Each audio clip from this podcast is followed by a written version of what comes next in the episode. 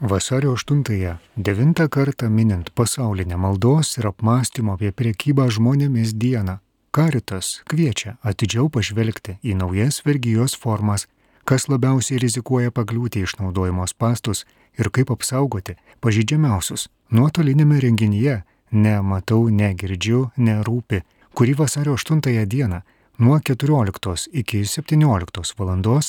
Bus galima tiesiogiai stebėti Lietuvos karito feisbuke.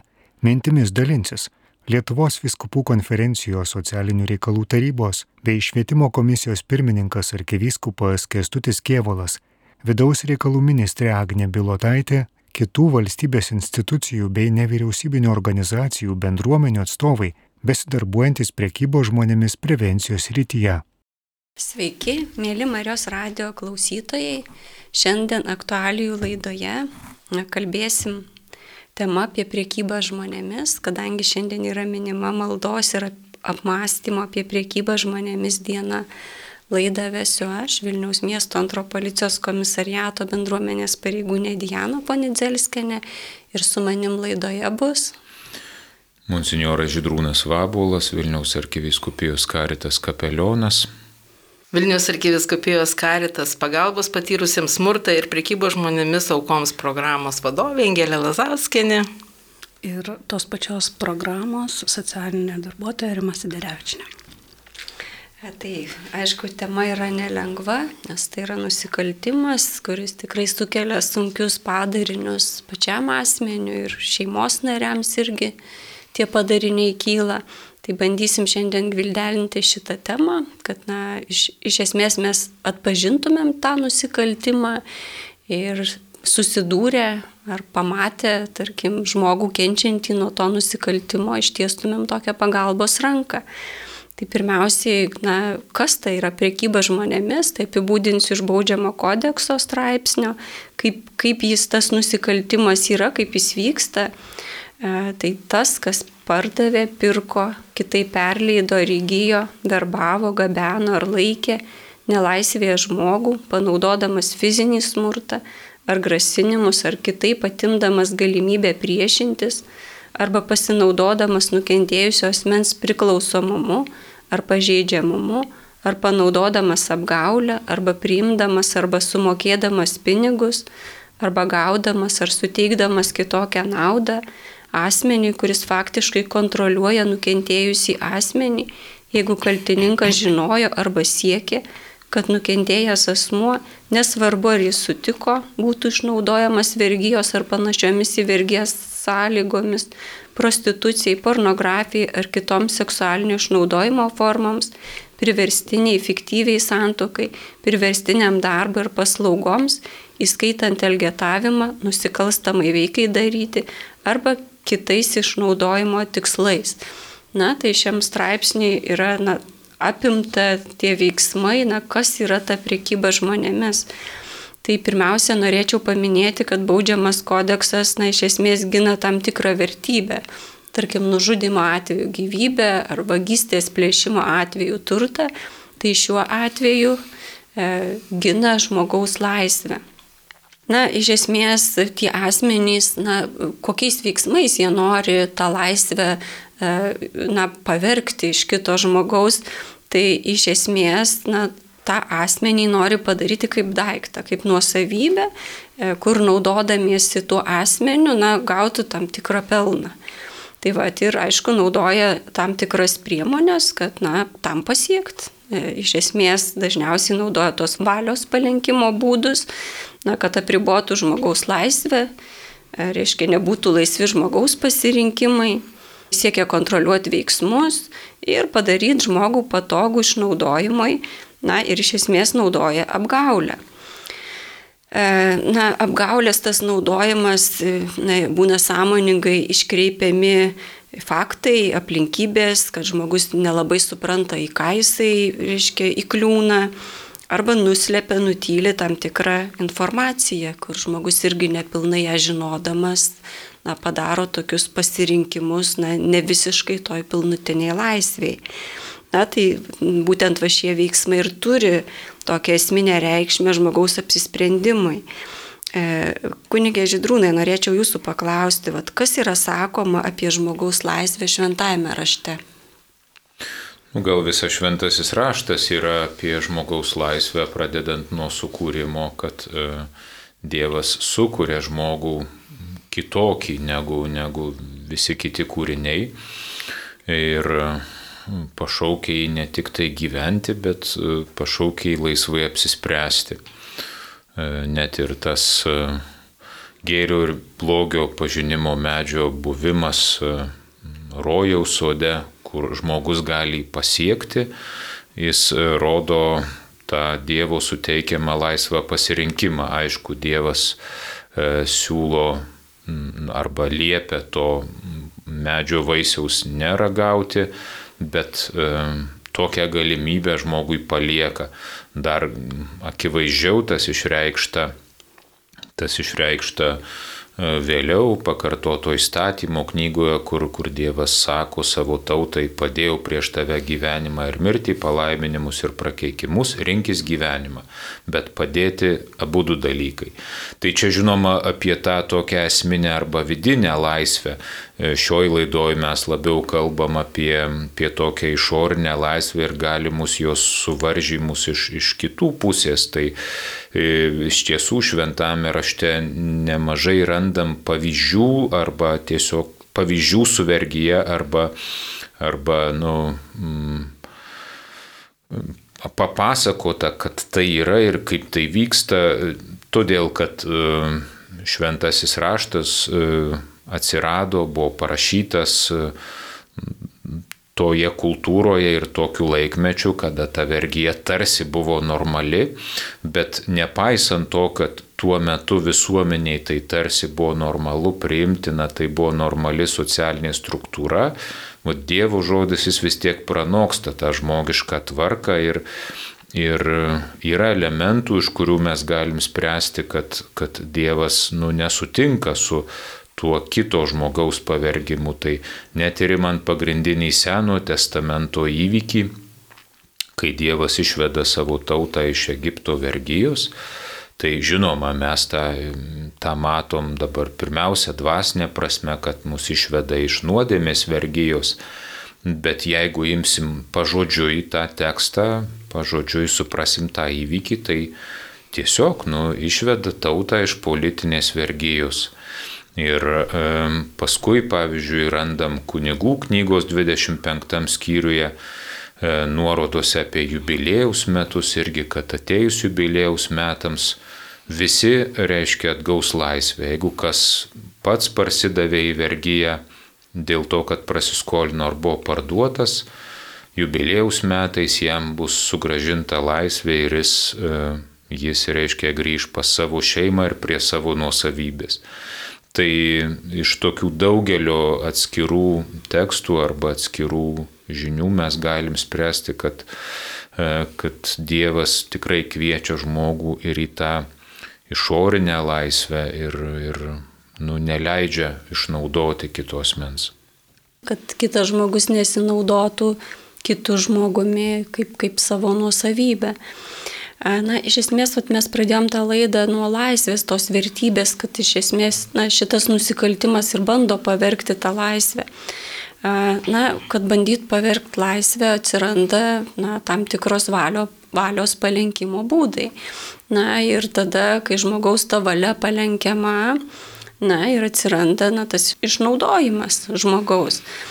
E, tai iš esmės va šitam nusikaltime, e, na, kokiam gal kryptim norima išnaudoti tą asmenį, tai galbūt paminėsiu tam tikrus, e, reiškia, momentus. Tai pirmas dalykas iš prostitucijos jų, pornografijos, tarkim, kitų seksualinio išnaudojimo formų, priverstinio darbo ar paslaugų, elgetavimo, vergyjos ar į vergyją panašios praktikos, priverstinės tarnystės, panaudojimą įtraukiant į nusikalstamas veikas, organų išėmimui, fiktyvioms santokoms ar kitoms išnaudojimo formams.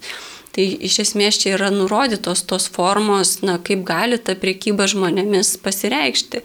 gal geriausiai žinoma ta forma dėl seksualinio išnaudojimo, kitos formos žmonėms nu, nelabai gerai žinomos ir, ir na, gal sunkiau identifikuoti, kad čia būtent išnaudojimas. E, na, kokiais veiksmais, reiškia, pasireiškia tas išnaudojimas.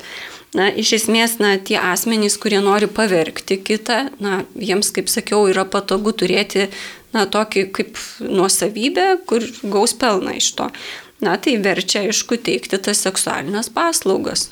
Už atlygį arba už, reiškia, dalį, reiškia, žmogus gauna, dalį pasijama, tai iš esmės vis tiek yra, nu, kaip pelno šaltinis žmogui.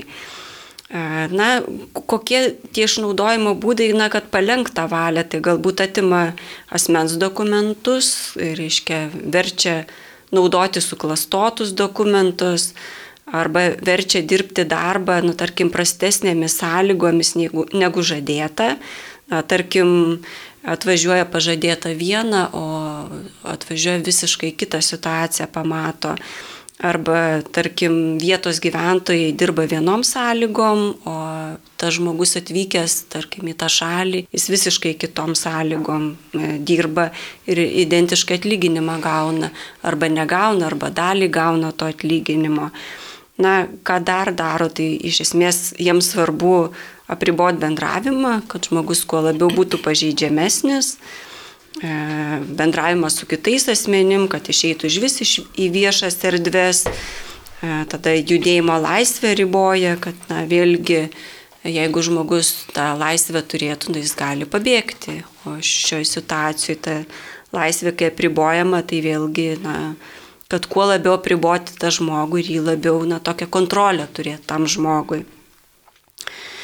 Tada naudojamas psichinis, fizinis smurtas, šantažas, seksualinė prievarta arba grasinimai, skiriamos baudos, tarkim, už tvarkos nesilaikymą arba didinama skola, na, išsigalvojant tam tikras priežastis, arba kad tu čia skolingas už gyvenamą vietą, už rūbus, už maistą esi skolingas. Tada teikiama klaidinga informacija, reiškia apie darbuotojų teisės, kad žmogus atvykęs į kitą šalį nelabai žino, kokias teisės jis iš vis turi. E, na, klaidinga informacija teikia ir apie policiją pačią, migracijos tarnybas, kad žmogus bijotų kreiptis pagalbos.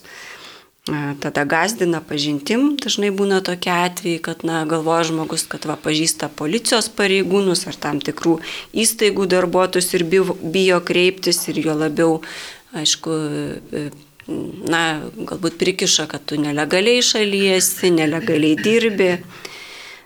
Tada na, apgyvendina ypač skurdžiom sąlygom, reiškia, keičia gyvenamą vietą, darbo vietą, perdoda kitiem asmenim. Vėlgi čia tokiais sumetimais, kad na, nelabai policijos įstaiga surastų, reiškia, nes na, tokia atveju išaiškės nusikaltimas ir, ir nepatogi situacija, tada žmogui, aišku, ta atsakomybė grėsia. Na, ir pats žmogus tauka, pats nežino adreso, nei kur jisai gyvena, kur dirba, izoliuoja nuo kalbą mokančių asmenų, kad na, negalėtų kreiptis. E, tada pristato, tarkim, vertėją, teisininką, bet tai jų žmonės būna, kur tą tokią klaidingą informaciją jiems suteikia. Na, dažnai tas pervežimas vyksta arba be langų automobiliais, arba uždengtais langais, kur na, nelabai tas pats žmogus mato, kur, kur jis važiuoja. Ir e, na, aplinkoje nelabai matosi, kas ten vyksta. Na, būna ištaturuoja tam tikrus ženklus, arba būna darbą pradeda nebūdingų laikų, tarkim, nakties metu ar, ar kitų paros metu, kai na, žmogus vėlgi nelabai orientuosi, kaip čia kas ir turėtų būti. Na ir dažniausiai auka nežino to savo darbo užmokesčio, dydžio netgi. A, tai vėlgi, kunigė Žydrūnai, klausimą jums turėčiau, kaip žiūrima į žmogaus išnaudojimą Biblijoje. Tai kaip minėjau, viena vertus gali pasirodyti kai kada, kad tas, e, nu, ta vergyje tarsi pateisinama, bet tikrai taip nėra tiesiog dėl to, kad e, švento rašto tekstai e, rašyti tokioje kultūrinėje aplinkoje, prie kurios pripratę tuo metiniai žmonės, net ir Dievo įkvėpti. Bet e, mes, pavyzdžiui, nuolat randam pas pranašus tokių, tokios kritikos iš Dievo pusės reiškia, kad jūs ten, tarkim, parduodate vargšą už, ar, ar, ar beturtį už sandalų porą, arba jūs nusukote darbininkam užmokestį. Tai reiškia, Dievo akise tokie dalykai e, yra blogi, pristatomi kaip blogi ir už tai grasinama bausme arba, nu, kad prarasi Dievo malonę. Taip pat man toks gal įspūdingiausias, nu, ne tai kad įspūdingiausias, bet emblemiškas, sakyčiau, pavyzdinis e, šiuo atveju e, švento rašto tekstas yra trečias Dievo įsakymas e, švesti šabo dieną. Ir tas įsakymas pirmiausia susijęs su draudimu dirbti ne tik pačiam įsakymo klausytojui, bet sako, nedirbs jokio darbo nei tavo sūnus ar duktė, nei tavo vergas ar vergi. Ir net jautis ir asilas.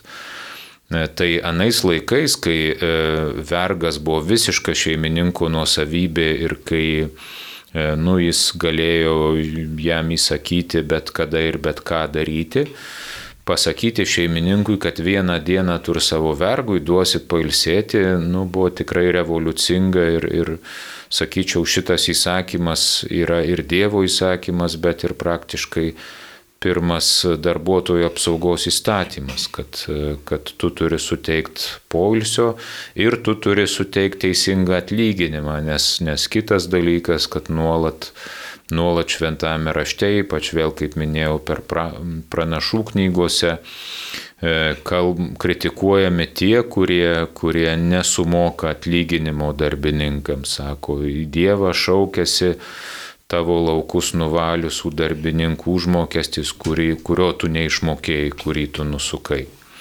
Tai žodžiu, e, iš, iš šitų, iš tokių e, šventų rašto vietų galim tikrai suprasti, kad Dievas, nu, ne, kovoja, ne, kovoja e, su tokia neteisybė, net jeigu jinai tuo metu visuomenė yra įprasta ir tarsi normali. Gina asmenys, kad ne, nepatirtų skriaudos iš kitų to išnaudojimo. Dabar iš esmės šitam nusikaltime, vat, kaip mes minėjom, reiškia tie valios palenkimo būdai, išnaudojimas yra ir yra naudojamas į žmogaus pažeidžiamumu. Tai Vangelė, jums klausimas būtų, tiek jūs dirbat su priekybo žmonėmis aukomis, su kokiu pažeidžiamumu jūs susidurėt, va teikdami pagalbą. Mes turbūt visą tą, ką pristatėte, tokiu iš baudžiamosios, e, reiškia, tos teisinės pusės, mes turbūt galim pamatyti tokius dalykus gyvenime, kaip mes su tuo susidurėm, ar ne? Tai aš trumpai pasakysiu, kad mes tą nusikaltimą matome kaip e, verbavimą, ten, kur žmogus gyvena, dažniausiai taip yra vykdoma, tada pervežimas, tada yra išnaudojimas, valios palinkimo būdus mes irgi matom, tai yra ir grasinimai ginklų, asmens dokumento atėmimas, ar ne, ir kiti grasinimai, iš pradžių žmogus būna, reiškia, kalbinėjamas gražiuoju, tarsi apgaudinėjimas, dėl to tai vadinama sukčiavimo nusikaltimas, dėl to, kad, na, žadamas labai didelis atlyginimas, labai geros sąlygos, nu, kas paskui netitinka tikrovės. Vėliau, kai žmogus nori išeiti iš tos vergovės sąlygos, ne, kai jam yra verčiama daryti to, ko jisai nenori, būna netai paprasta, nes tada jau naudojami grasinimai, ne, grasinimai, šantažas ir kiti dalykai. Dar mes matom štai kokį dalyką, kad e, šitie žmonės, kurie daro nusikaltimus, jie dažniau verbuoja ir išnaudoja žmonės, kurie yra pažeidžiami. Kodėl? Dėl to, kad juos lengviau apgauti, Nes, kaip sakiau, tai yra sukčiavimo nusikaltimas, lengviau pažadėti. Šitie žmonės gali būti labiau vienišesni, galbūt jie neturi stiprių ryšių, su kuriais galėtų pasitarti, nežinau, arba save atradę toje visuomenėje, kurioje yra, nėra taip stipriai, dėl to jiems norisi kažkur savęs ieškoti ir geresnių, geresnių tų vietų, kurias ir žada, ar ne, apgavystės būdų šitie žmonės. Tai Mes kalbam apie tai, kad vis tik tai dažniausiai renkame, ar pasirenkama žmogus, kuris yra socialiai pažeidžiamas, ar ne? Kuris yra silpnesnis, kurio ryšiai su šeima bendruomenė yra silpnesni. Kokius žmonės mes matom? Mhm. Iš tų mhm. pavyzdžių tai tikrai galiu pasakyti, kad dažnai tai yra jaunas amžius, ar ne? Mhm. Jaunas amžius ir čia šitoje vietoje mes turim suprasti, kad tai ne tik mes kalbam apie paauglius, kurie dabar, na, mes dažnai susidurėm su to, kad bėga iš namų, iš ugdymo įstaigų, atsiranda labai nesaugioje aplinkoje ir ten tikrai yra šitie nusikaltimai. Ar tie vaikai sugeba atskirti ir pasakyti, kad kokie nusikaltimai buvo prieš juos padaryti, tai čia jau yra kitas dalykas ir mums šitas iššūkis dar tikrai laukia. Ir čia kita angelė, pavyzdžiui, vat, nu, tie atvejai, kai vaikai bėga iš namų, tai čia ar skurdžios materialinės sąlygos, ar kažkokia tai pažydžiama situacija namuose, gal lyga, ar ten nelabai rūpinamasi. Tai čia va, gal kažkiek galėtumėt pakomentuoti. Aš tai manau, žinokit, kad ši, ši, šitoj visuomenėje mes kalbam apie santyki ir laiką ir bendravimą. Ir um, vis dėlto čia apie tai. Ir galbūt mes visi skubam daug, ir skiriam dėmesio kitam artimam žmogui ir kaimynui ir tada toliau reiškia vis nuo mūsų vis mažiau. Tai čia yra šios lygos e, problema. Tai mes šiandien, kai mes kalbam apie pagalbą, mes jau galim drąsiai kalbėti, kad mes turim išgirsti ir matyti žmogų šalia, ar ne, ir būti su juo sunkiu mhm. metu. Tai čia lygiai taip, ta visa pradžia yra tikrai šeimoje ir mes kalbam apie dėmesio trūkumą, nepakankamą parodytą dėmesį ir kuomet, reiškia, vaiką įtraukia kita aplinka, kuri parodo dėmesį. Juk tai yra, mes kalbam apie sukčiavimo nusikaltimus, o tenai ten yra tokiu tekstu kalbama su ne tik vaikais, bet ir kitomis aukomis. Tu man svarbus. Juk aš šitą pasiūlymą teikiu būtent tau, dėl to, kad tau būtų geriau. Ir tada yra labai sunku jaunam žmogui, pavyzdžiui, atsirinkti ir suprasti, kad kažkas yra, na, vat, e, šitus dalykus sako dėl to, kad norėtų jį apgauti, ar ne? Nes nu, jaunas amžius su optimizmu ir visais kitais dalykais sunku atpažinti. Tai aš tikrai kalbu apie tai, kad jaunas žmogus bėga ir atsiranda nesaugiosios sąlygos ir tada atsitinka daug nusikaltimų ir daugumos mes turbūt net nežinom arba jie pradedami, neužbaigiami tie tyrimai ir taip toliau. Tai mes, kai kalbam apie pažeidžiamumą šituose nusikaltimuose, mes turim suprasti, kad jaunas žmogus pagal ES reglamentą yra iki 29 metų. Tai yra tas žmogus, kuris dar nesurado savo tvirtos vietos gyvenamosios, galbūt tvirto darbo, netrado savęs kaip asmens. Tai reiškia, kad jisai vis dar, na nežinau, gal nepakankamai uždirba, ar ne, arba net, net, neturi įleidę šaknų. Mes kalbam apie tokį jauną amžių. Sakysite, kad tai yra labai platu. Tačiau reikia čia to vietoje suprasti, kad mesgi kalbam apie kelis kriterijus. Vienas iš jų yra jaunas amžius. Tad mes galim kalbėti apie kitą kriterijų, ar ne? Tai yra skurdo situacija, kurioje žmogus pakliuvęs, ar ne?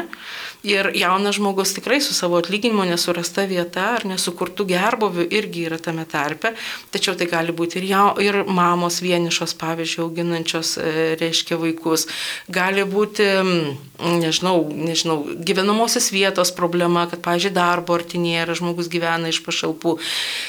Tas skurdas gali būti iš to, kad, na, nežinau, e, žmonės, kurie turi rūpintis ar, ar, ar turi padėti, pavyzdžiui, yra smurtaujantis arba nedirbantis ir taip toliau. Tai skurdas tikrai gali ateiti iš daugelio dalykų. Ir tai bus antras kriterijus. Ir dažnai mes užlenkiam daug, daug pirštų skaičiuodami tos kriterijus, kai kalbame apie konkretų žmogų. Kitas kriterijus tikrai bus, tikrai bus priklausomybė. Ir čia mhm. mes, tai gali būti priklausomi nuo narkotikų, gali būti nuo alkoholio. Ir mes tada tikrai žinom, kad tai nesisprendžia per vieną dieną, kad tam reikia laiko ir kitų dalykų. Ir tai yra žmogaus pažeidžiamumo. Kas įveda, reiškia, kas jo nelaiko čia šitoje vietoje. Sekantis dalykas, mes čia tada to žmonės labai matom, kaip juos išnaudoja. Reiškia, juos išnaudojam tam, kad gauti naudos. Ir šitie žmonės tarsi išnaudoti yra lengviau. Nes nes jie yra priklausomi ir tuo pačiu, pavyzdžiui, jie jau praradę ryšį su šeima, su savo artimaisiais, dažnai išmesti iš darbo, ar ne, ir tada jie tiesiog ap, apgaubti to nusikaltelių ir ta, tuo metu, kai, jam, kai jiems yra naudinga, jie gauna iš jo tą dėmesį tam, kad jį išnaudotų. Kitas dalykas tai yra nediagnozuota, bet pavyzdžiui, nežinau, raidos atsilikimas, proto, intelekto negale, kažkokie e, susirgymai susiję su psichinė sveikata. E, naivumas, pavyzdžiui, žmonių, kurie žiūri ir tiki, kad tai yra daroma tik dėl jų, tik jiems, kad jiems nuo to bus geriau, tarsi reiškia ne, neįjungiama tokia kritika. Tai čia tokie pagrindiniai pažeidžiamumo dalykai, kuriuos mes galim beveik visus suvardinti.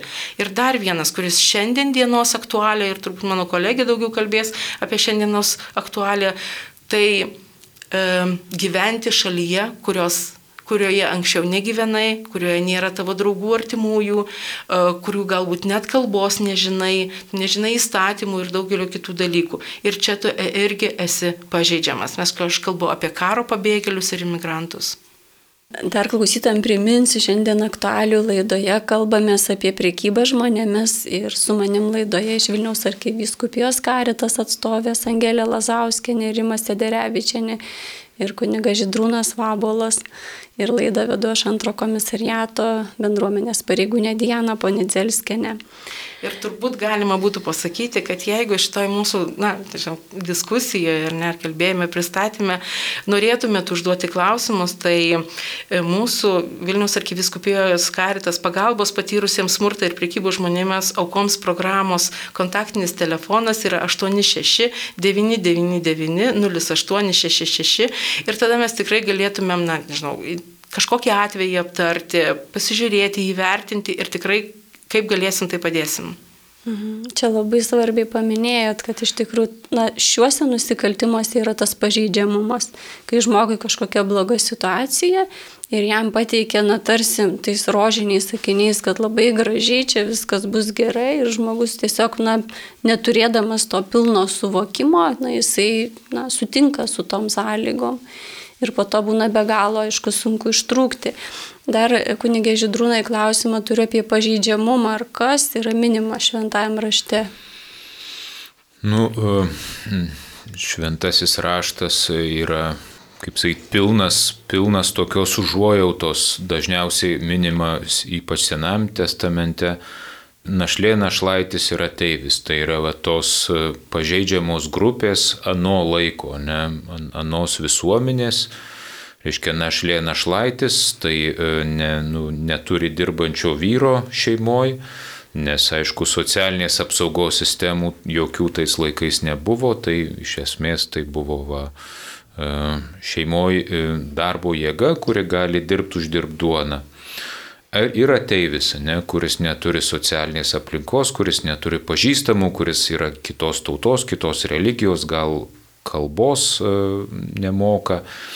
Ir apie tai nuolat irgi skaitom Sename testamente, kad neskriausi našlio, naš, našlaičio, našlės ir ateivio, nes pats buvai ateivis Egipto žemėje ir tai aš tau sakau, aš, aš viešpats tavo Dievas. Tai, Tai irgi Dievas stoja tų pažeidžiamų asmenų pusėn ir jau jeigu žiūrėtume į Naująjį Testamentą, tai, tai irgi Jėzus sako, atėjau pas tokius, ne, atėjau pas, pas ligonius, ne, ne pas veikuosius ir jis pirmiausia prie jų lenkėsi ir jiems ir gerąją naujieną skelbia ir, ir vaduoja juos iš, iš visokių nu, vat, išorinių e, sunkumų, kaip, kaip lygos, kaip alkis, kaip pamaitina alkstančią minę duoną ir, ir panašus dalykai.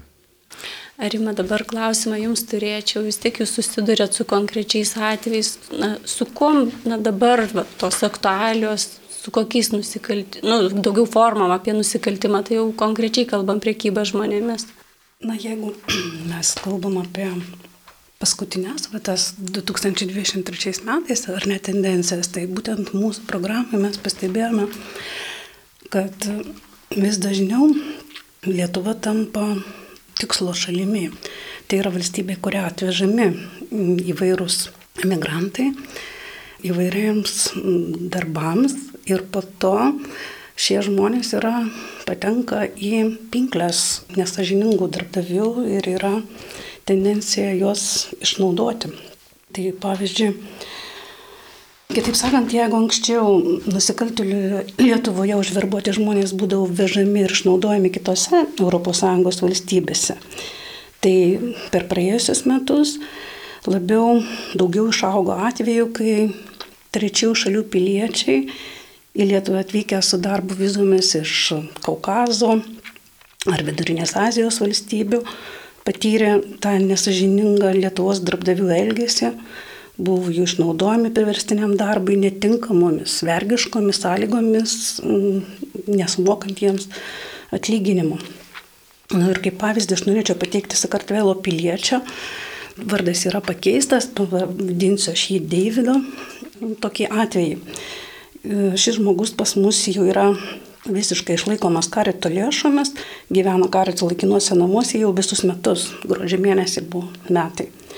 Jis gauna mūsų tarnybos psichologinę, socialinę pagalbą mūsų specialistų, nuolatinį emocinį palaikymą, nes e, tokio palaikymo jam labai reikia keliaujant teisminiu keliu, bilinėjantis su to nesažiningu darbdaviu jau visi metai. Galite šiek tiek pakomentuoti tą situaciją, Kai Deividas- susidūrė? Mhm. Kai Davidas atvyko jam buvo 30, nu, dabar jau eina treti. Vaikinas tai tėvynėje Sakartvelė, nu, taip vadinam Gruziją, ar ne, turi žmoną, turi keturių metų dukrelę, ten jie likę, laukia tėčio. Paties Davido tėvai yra mirę, o tam, kad jis galėtų atvykti į Lietuvą, iš motinos brolio Davidas pasiskolino nemenka pinigų sumą. Ir pagal tą darbo sutartį sudarytą su Lietuvos darbdaviu Davidas turėjo dirbti mėsininkų paukštienos fabrike pagal grafiką 40 valandų per savaitę. Mhm. Bet pradėjus darbą, darbdavys pareikalavo dirbti ne mažiau kaip pusantro etato, tai sudaro, sudarė maždaug 12-16 valandų per parą ir 6 dienas per savaitę. Tame mėsos ceche 5-6 laipsniai temperatūra Ir e, tokiam darbo sąlygom, dirbant po tiek daug valandų, buvo nuolat e, veikiama jo sveikata ar ne ir pradėjo sanorius visus skaudėti. Bet darbdavys reikalavo nuolat, kad jisai būtinai išeitų į darbą, ne, neleido gydytis. Uh, už kiekvieną nedadirbtą valandą ten dedamos buvo baudos, ne tik jam, bet ir visiems tiems darbuotojams, nes ten iš Sakartvelo daug atvykusių darbuotojų. Ir mes turėjome mūsų programai net septynis žmonės iš, iš tos įstaigos įmonės, ten įvairūs skirtingi atvejai. Vieni mažiau nukentėjo, kiti daugiau. Davidas nukentėjo ypatingai, nes dėl sveikatos būklės neišėjęs kelias dienas į darbą, jam buvo grasinama, kad bus panaikyta jo darbo viza, nureiškia, jis bus atleistas už praveikštas. Ir kai jis vis dėlto neišėjo dėl sveikatos būklės, tai tuomet suklastojo darbdavys jo parašą, tai yra įrodyta. Mhm. Ir pagal tą suklastotą dokumentą ir prašymą išeiti iš darbo, ar ne, buvo parašytas įsakymas, jis buvo atleistas, tokiu būdu tapo nelegalų ir kai pas mus atsirado gruodžio mėnesį 23, 22 metais, atsiprašau, jis buvo visiškai bedarbis, nelegalas, negalintis įsidarbinti legaliai Lietuvoje ar ne ir neturintis jokių pragyvenimo šaltinių. Dabar jau visi metai laiko vyksta tas teisminis procesas, jam šiuo metu jau yra, mes jau kaip ir laimėjome bylą, jam jau paskirta kompensacija, jau įrodytas tas neteisėtas atleidimas iš darbo, bet kadangi darbdavys šiuo metu yra padavęs apeliaciniam teismui, tai dabar dar ta kompensacija Kada bus gauta, mes dar nežinome, nes dar vyksta vėl toliau ta visa rutina, ar ne, tas procesas teisminis, apeliacinio teismo ir žmogus toliau yra išlaikomas karito lėšomis. Tokių čia yra vienas atvejis, bet mes jų per 23 metus turėjom septynis sakartvelų piliečius, mažiau, trumpesnį ar ilgesnį laiką naudojusi nukentėję mūsų nakvynę, mūsų maitinimo organizavimu, vaistų, būtiniausiamis kitomis hygienos prekiamis ir taip toliau mūsų programa juos aprūpina. Ir 15 kitų buvo užsieniečių be Sakartvelo, tai atvykusių iš Centrinės Azijos valstybių, o būtent iš Kirgizijos, Tadžikijos, Uzbekijos, Azerbaidžiano. Mes toliau stebime išnaudojimo darbiniuose santykiuose prekybos žmonėmis nusikaltinio veikimo modelį, pagal kurį darbuotojas iš trečiųjų šalių atvykęs į Lietuvą susiduria su įvairiais darbdavio paspestais pastais. Kai visokiais būdais ieškoma priežasčių, kaip kuo ilgiau išnaudoti žmogų nesumokant atlyginimo. Pavyzdžiui, darbuotojai dedamos baudos už papildomų darbo sutartyje nenumatytų sąlygų nevykdymą, darbuotojo sąskaita darbdavys jam veda mokymus, perkelia materialinę atsakomybę už įvairiausius nuostolius, ten eismo įvykius ir kažkokių priemonių sugadinimus ir taip toliau. Tuo pačiu metu darbdavys naudoja prieš užsienietį šantažą, kad atleis jį iš darbo, o tada bus nutraukta darbo viza arba leidimas gyventi ir panašiai. Čia yra valios palinkimų būdai. Kitaip sakant, trečių šalių pilietis pakliūva į šio laikinės vergyjos pinklės, kai naudojamas žmogaus pažeidžiamumu, siekiant naudos komerciniams tikslams savo naudai, ar ne, kaip jūs minėjote ir kaip minėjo mūsų kunigas Žydrūnas, ateivis yra išnaudojamas, naudojantis tuo, kad jis yra ateivis ar svetim šalis, kad jis yra pažeidžiamas. Šaly. Gal aš dar truputėlį tokią mintį pasakysiu, kad prie Rimos, e, yra prokuratūros, policijos ir socialinės apsaugos darbo ministerijos ten rekomendacijos apie priekybą žmonėmis ir kaip traktuojama tos nežmogiškos darbo sąlygos. Tai sukelia fizinės, dvasinės kančias, žemina žmogaus orumą, tada skiriasi užmokestis ar darbo sąlygos palyginti su teisėtai dirbančių darbuotojų. Tai iš esmės, va čia, va, tą galit šiek tiek pakomentuoti. Nu, tos sąlygos turbūt gerokai skyrėsi kaip Lietuvoje dirbančių ir kas jiem buvo siūloma ir atlyginimo atveju turbūt ir, ir tom darbo sąlygom. Pavyzdžiui, sutartėje atvykstančio, ar ne, Vat, jeigu paimam tą patį Davidą, ar ne, mhm. jeigu imam sutartį, ten skaitom, tūkstantis eurų. Čia net skaičius už... mokesčių, ar atskaičius? Ten neparašyta sutartyje. Ai, gudriai parašyta. Neparašyta sutartyje. Tūkstantis Aha. eurų už 40 darbo valandų per savaitę. Aš daug kartų skaičiau ir neradau. Nu, tai čia parašyta. Atskaičius mokesčių ar neatskaičius. Sutartis buvo sudaryta dar mm. Gruzijoje. Mm -hmm. Prieš atvykstant. Jis žinojo ir kur gyvens, ir kur um, dirbs. Mm -hmm. Ir kuo dirbs. Ir kiek jam bus mokama. Tūkstantis eurų. Bet tuomet, kai jis atvyko ar ne, jam buvo aiškiai išaiškita, kad tūkstantis, tai čia reiškia ant popieriaus, taip mhm. liaudiškai vadinamai, o jeigu tu į rankas nori gauti tą tūkstantį, tų švarių, kaip mhm. sakoma, pinigų grinų, tai tuomet uh, tau reikia dirbti pusantrą tato. Mhm. Ir reikia tik netingėti ir tu gali uždirbti. Štai ir viskas, jam tai buvo paaiškinta ir jis sutiko dirbti tą pusantrą tato. Tokia Bet, buvo pradžia. Kitiem darbuotojams jie dirbo normaliai, kaip Lietuvoje reikalaujama tas 40 valandų per savaitę. Ar tos informacijos nelabai turit? Aš, aš nerinkau tokios specialiai informacijos, bet visi žinom, galima dirbti vieną etatą, galima dirbti pusantro etato. Tie žmonės, kurie dirba, jie gali pasirinkti ir išeiti į kitą darbą. Tuo tarpu šitie atvažiavę žmonės, jiems naikinama darbo viza ir jie, jeigu keičia darbo vietą, jis privalo išvykti į savo Sakartvelą ir mhm. tada ieškotis vėl iš naujo gauti leidimą čia migracijos tarnyboje, kad vėl galėtų įvažiuoti į Lietuvą su nauja darbo viza. Mhm. Todėl jie privalo dirbti ten, kur buvo iš anksto atvykę dirbti, žinodami jau ten Gruziją, mhm. Sakartvelę. Tai gal dabar žiūriu, jau laida mūsų eina į pabaigą, gal trumpai apie tą pagalbą, nes iš esmės vat, dabar minėjau tas aktualijas, kad Lietuvoje aktualu, bet iš esmės gali ir susidur, susidurti žmonės, kurie ir vyksta į užsienį, kad iš esmės žinotų, kad tai yra nusikaltimas ir kad na, nebijotų kreiptis pagalbos. Gal kur tą pagalbą gauti, tai vis tiek Lietuvoje tai daugiau gal mūsų tie vietos gyventojai, jeigu matant, E, gal situacija, kad, na, įtariant, kad yra išnaudojimas tam tikras, gal išdrįst prieit pakalbinti, kad, na, taip neturėtų būti, duoti kontaktinį telefoną, kur žmogus galėtų kreiptis. Tai iš esmės Lietuvoje, kas teikia pagalbą, tai policija pirmoje vietoje, tada nevyriausybinės organizacijos. Tai vad kaip karita šiandien su manim yra. Ir ambasada, reiškia, to šalies, iš kurios atvykęs žmogus. Tai va, tai čia tos trys institucijos, per kurias galima ieškotos pagalbos, bet aišku, reikėtų išdrysti, nes na, žmogu, žmogus būna taip apgautas, kad jo valia na, palengta, kaip minėjo Trima, kad tos skolos dedamos, baudos dedamos. Ir žmogus pats galvoja, kad aš kaltas esu šitoje vietoje, kažkokios tvarkos nesilaikau.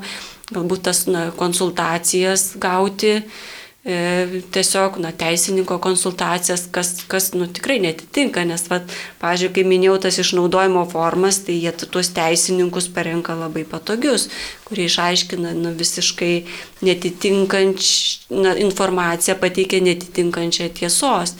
Gal jūs dar trumpai, Angelė, iš savo pusės apie tą pagalbą, nes jau visiškai mhm. laikas mūsų slenka. Tai čia šitas pavyzdys yra taip, tarsi yra darbo sutartis ir iš anksto buvo sutarta.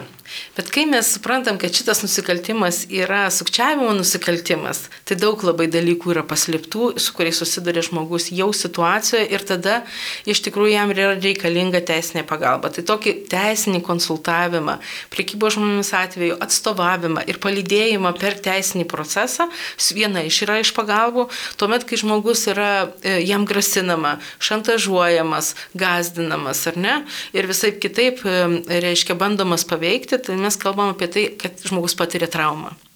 E, nepatogumą, gyvenimo, nežinau, keičiančius dalykus e, iš tikrųjų patiria ir tada jam reikalinga psichologinė pagalba. Ir mes tikrai kalbam apie tai, kad tuo metu, kai žmogus, na, vat, pasipriešina, sulaukėgi. Mhm, atgalinės reakcijos. Taip, taip. Spaudimo. Šiandien ir tą pačią dieną jisai lieka be bendrabučio, iš kurį jam atskaičiuodavo iš atlyginimo, be maisto, nes atlyginimo nemokėjo, nes už visas skolas turbūt jau viskas atskaityta, kokią jisai pagalbą turėtų, jisai neturi net bilietų išvažiuoti, ar ne? Mhm. Ir labai mes jaučiam ir matyt, kad pamatysim kažkada kažkokiais tai tyrimais ir visuo kitu, na labai naudinga turėti tokių žmonių, kurie nelegal, nelegalai ir dirba net ne per pusę pigiau, bet turbūt dar mažiau. Už maistą, už pragyvenimą žmonės dirba. Tai šiandien yra tokia dalykas. Ir kaip tada pasipriešinti, kai tu nieko neturi, e, prieš darbdavius, kurie turi e, ne tik tai, e, reiškia, autoritetą ir visus kitus dalykus, galios dalykus, ar nenutraukti darbo sutartį, tačiau ir žinių, ir kalbą, ir visą kitą, juk pasipriešinti mes turim omeny, kad reikia teisiškai rašyti, kreiptis į policiją, nežinau, turėti, turėti žinių tai padaryti. Tai mes kalbam apie tokią pagalbą ir mes visada būsim šitų žmonių, nežinau, pagalbos akiratyje, nes Nes yra asociacija prieš priekybą žmonėmis, kurie apima visą Lietuvą, yra Vilniaus arkiviskupijos karitas, e, kuris dirba ir nuotoliu ir visų kitų, tai mūsų pagalbos patyrusiems smurtą ir priekybą žmonėmis aukoms programos kontaktas yra 86999 ir elektroninis paštas yra pagalba eta vilnius.karitas.lt ir čia mes galim konsultuoti ir teisininkas konsultuos, ir psichologas atsakys į klausimus. Yra svarbu sustiprinti žmogų, kad jisai galėtų pasipriešinti, nes niekur tas neteisingumo jausmas nedingsta. Čia yra mūsų atsakomybė atpažinti šitos atvejus, paimti už rankos ir atvesti iki pagalbos. Ne tik mano teikiančios pagalbą, ne tik mano kolegės, ne tik tai policijos, kurie jau susiduria su šita situacija, bet kiekvieno iš mūsų. Matyti neteisingumą ir atvesti iki pagalbos. Mhm. Aš galvoju, dar labai svarbu, tai tarkim, užsieniečiai atvyksta į Lietuvą, jie net nežino policijos telefono to bendro. Tai gal irgi žinant, kad, na, va, gyvenant, matant, įtariant, tiesiog prieiti ir pasakyti, kad, va, yra 112 tas skubių pagalbos tarnybų telefonas, arba palydėti, tarkim, iki policijos komisariato žmogų, nes jis nelabai orientuojasi, tarkim, Lietuvoje, kur ta policija, kur tas komisariatas, kuris turėtų kreiptis. Tai va, tai aš ir... manau, kad na, svarbu galbūt ir mūsų tom, tiems piliečiams būti, na, nu, neužmerktom akimis, o tiesiog pastebėti tą žmogaus skausmą ir išnaudojimą. Ir jūs labai tiesi. Matot, kiek daug dalykų žmogui atsitinka jo jau kilmė šalyje, kelionėje, kiek daug išgyvena ir čia kartais mes irgi galim būti nedraugiški. Tai pamatyti tą neteisingumą ir įspėti yra svarbu. Tai va, tai mūsų laida išseko, su jumis laidoj buvom Vilniaus arkiviskupijos karitas atstovės Angelė Rima ir kuniga Židrūnas ir laidą vedžiau aš antro komisariato bendruomenės pareigūnė Diana Ponidzelskenė ir sudė.